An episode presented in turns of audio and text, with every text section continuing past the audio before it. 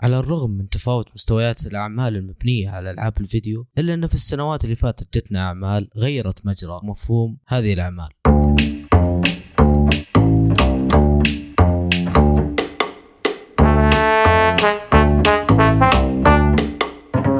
يا هلا والله مستمعين بودكاست سينيفايل. سينيفايل بودكاست يتكلم عن السينما والأفلام بشكل خاص وعن المسلسلات والأنمي والترفيه بشكل عام. معاكم مجيد. واليوم راح أتكلم عن تاريخ الأفلام والمسلسلات المبنية على ألعاب الفيديو.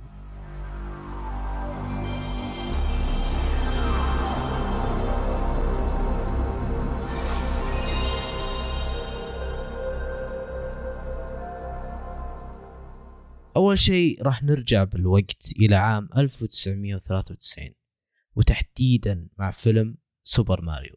لا صدقني أنا ما أتكلم عن سوبر ماريو ال animation أتكلم عن الفيلم الكارثي الواقعي اللي تلقى نقد سيء وساخر من النقاد والمعجبين لكونه أسوأ فيلم مبني على لعبة. هذا مجرد مثال بسيط على سوء الاقتباس وأكيد لما تسلم الشغل الناس يعني مو مرة مت متعمقين في اللعبة أو أنهم ما قد لعبوها أصلا ولا عارفين عنها أي شيء. وتتوالى السنين وتمضي وتنزل ألعاب مبنية على ألعاب رهيبة مثل Mortal Kombat Double Dragon Street Fighter Tomb Raider Resident Evil وأكيد يا عزيزي المستمع أنت عارف عن جودة هذه الأفلام. بمجرد إنك راح تبحث عنها أو إعلانها راح تعرف مدى سوءها. بناء على أنها مبنية على ألعاب جيدة باعت بشكل جيد. لكن ممكن هذا الشيء يجيب لنا مو أي لعبة جيدة ممكن تكون كفيلم جيد. لكن هذا جاب لنا البصيص أمل وبرضو عودة الفشل. كان عندنا وميض بسيط جدا عن الأمل. اللي موجود. وفي عام 2006 تم إنتاج فيلم الرعب المبني على سلسلة محبوبة عند الكل وأنا منهم اللي هي سايلنت هيل الفيلم كان جيد نوعا ما. نقديا في ناس انقدوه نقد جيد في ناس كرهوه. أنا من الناس اللي عايش بين علاقة حب وكره لهذا الفيلم لأني شايف أنه ناقش نقاط جدا غير منطقية. وكثير من عشاق Silent Hill يتفقون على هذا الشيء.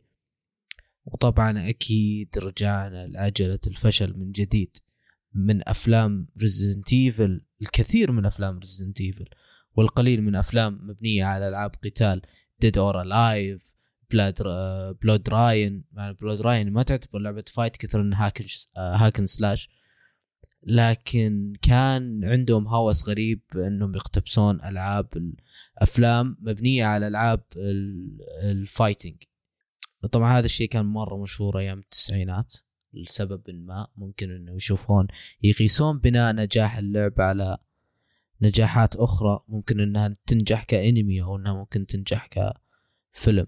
طبعا جتنا نقلة نوعية والعودة الحقيقية كانت بعد سنين من التقييمات الفاشلة. وغضب النقاد.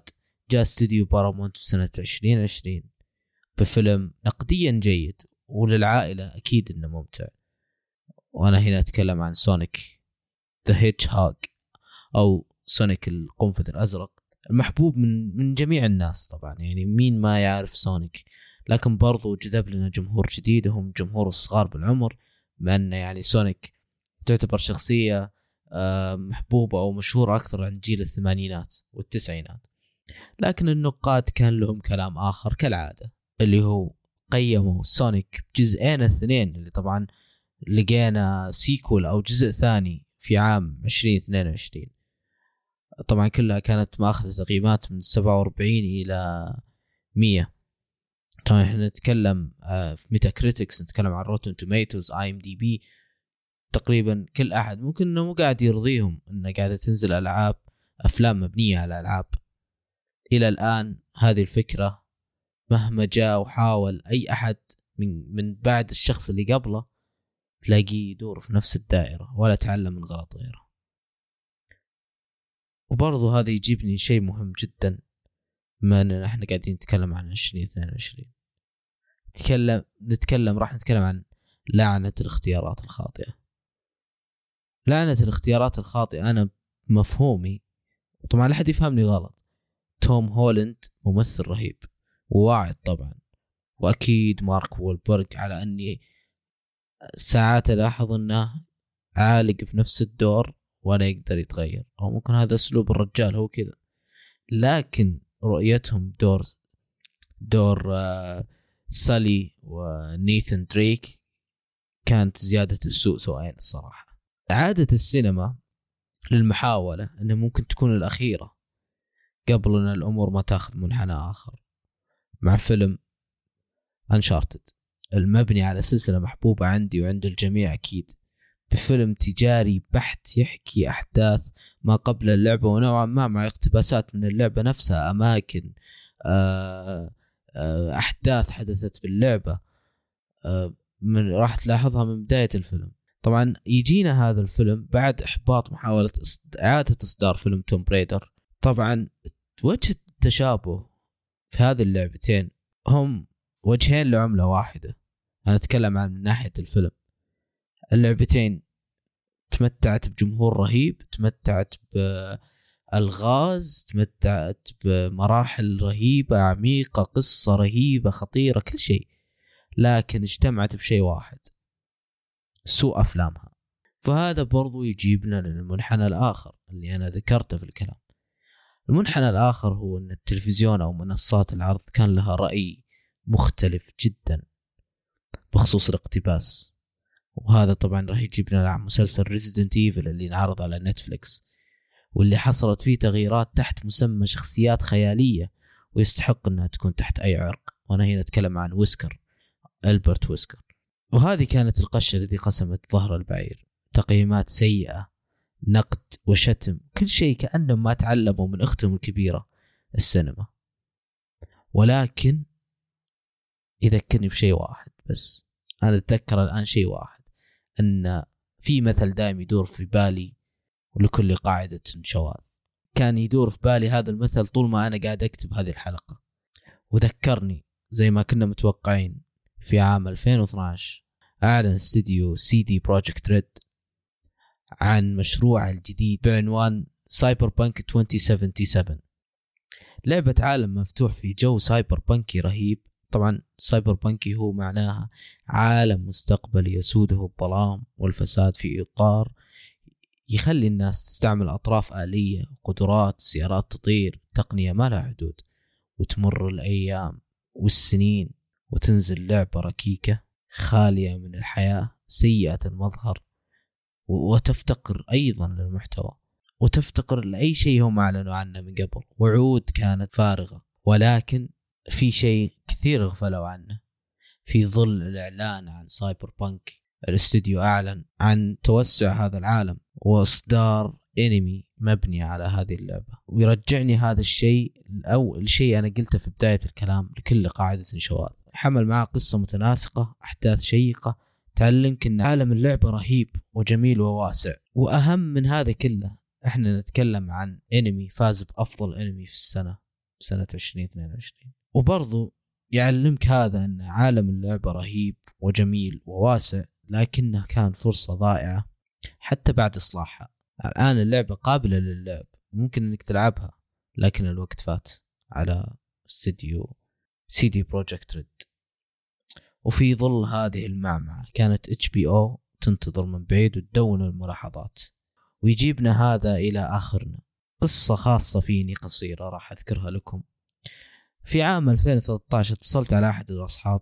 استعرت منه لعبة باسم The Last of Us اللي كنت كل اللي كنت أعرفه عن ذاك عن اللعبة هذه بدون ما أبحث عنها أي شيء. Okay لعبة من Naughty Dog أكيد إنها اكتشاف أكيد إنها زي ريد خصوصا إحنا شفنا إعلاناتها في E3 كانت إعلاناتها مبهمة نوعا ما لي أو إني أنا ذاكرتي ما كانت ذاك ما كنت أركز في انه وش جوهر اللعبة نفسها.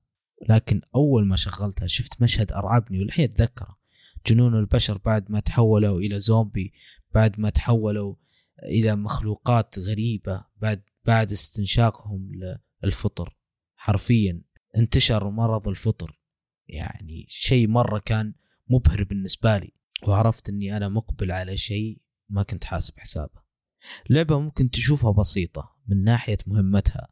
جول شخص ما يثق في أي أحد عايش على تجميع الغنايم والشغل الجانبي اللي اللي ممكن يجيه توصيل بضاعة من هنا آه، اكتشاف هذه المنطقة لأنه ممكن يكون فيها موارد إلى آخره من هذه الأشياء البسيطة. لكن كل شيء بينقلب رأسا على عقب بعد ما جته مهمة توصيل. وتمنى أنه يكون طرد بريدي أو تمنى أنها تكون أسلحة. لكنها كانت طفلة عنيدة بذيئة اللسان جريئة صعبة تدعى Ellie. لازم يوصلها الجماعة يسمون نفسهم ال Fireflies أنا راح أوقف هنا لأن أنا أبغاكم أنتم تعيشون هذا الشيء سواء كان لعبة أو سواء كان المسلسل.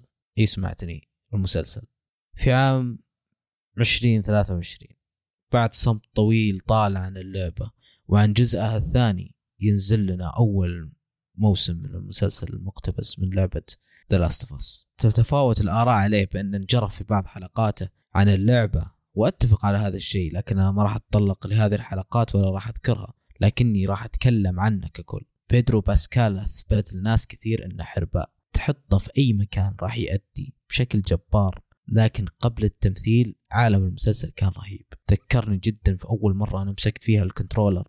وشغلت اللعبة بطابع حنيني إلى الماضي وجمال البيئات ورؤية تطور الشخصيات على الواقع اللي تخليك تتأثر معاها أكثر من اللعبة. كون رسوماتها في هذاك الوقت مو مرة جبارة زي ال remake اللي نزل لها السنة اللي فاتت. وهذا يجيبني أكيد للقادم. أعلنوا عن موسم آخر للمسلسل مسلسل The Last of Us راح يكون مبني على الجزء الثاني من اللعبة. الجزء المظلوم من ناس كثيرة لأسباب معينة وأنا أحترمها. لكن هذه الأسباب مو كفيلة لكره طريق لكره طريقة اللعب والبيئات والرسوم الجبارة والذكاء الاصطناعي اللي أنا ما قد شفته في أي لعبة ثانية. لكن برضو أنا حاط يدي على قلبي لأني ما راح أعرف وش راح يصير لأن نيل دراكمان من شخص عنيد ويحب ينرفز الجمهور بقراراته. لكن هذا الشيء ما يخليني أنكر أنه مخرج شاطر. الخلاصة. الألعاب عالم جميل.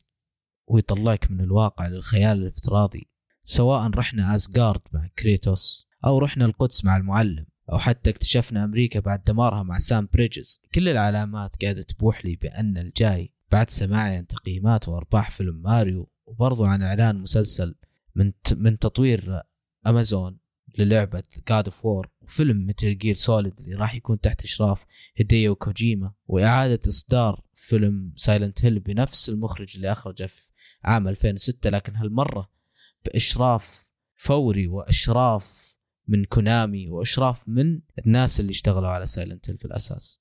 سواء كنت محب للألعاب والأفلام هذه الأخبار كفيلة أنها تعطيك بصيص أمل عن المستقبل جيد ومثمر لعشاق الفنين. كان معاكم مجيد ووجهت هذه الحلقة لمحبين الألعاب والأفلام والفن بشكل عام. وهذا هدف بودكاستنا. مع السلامة.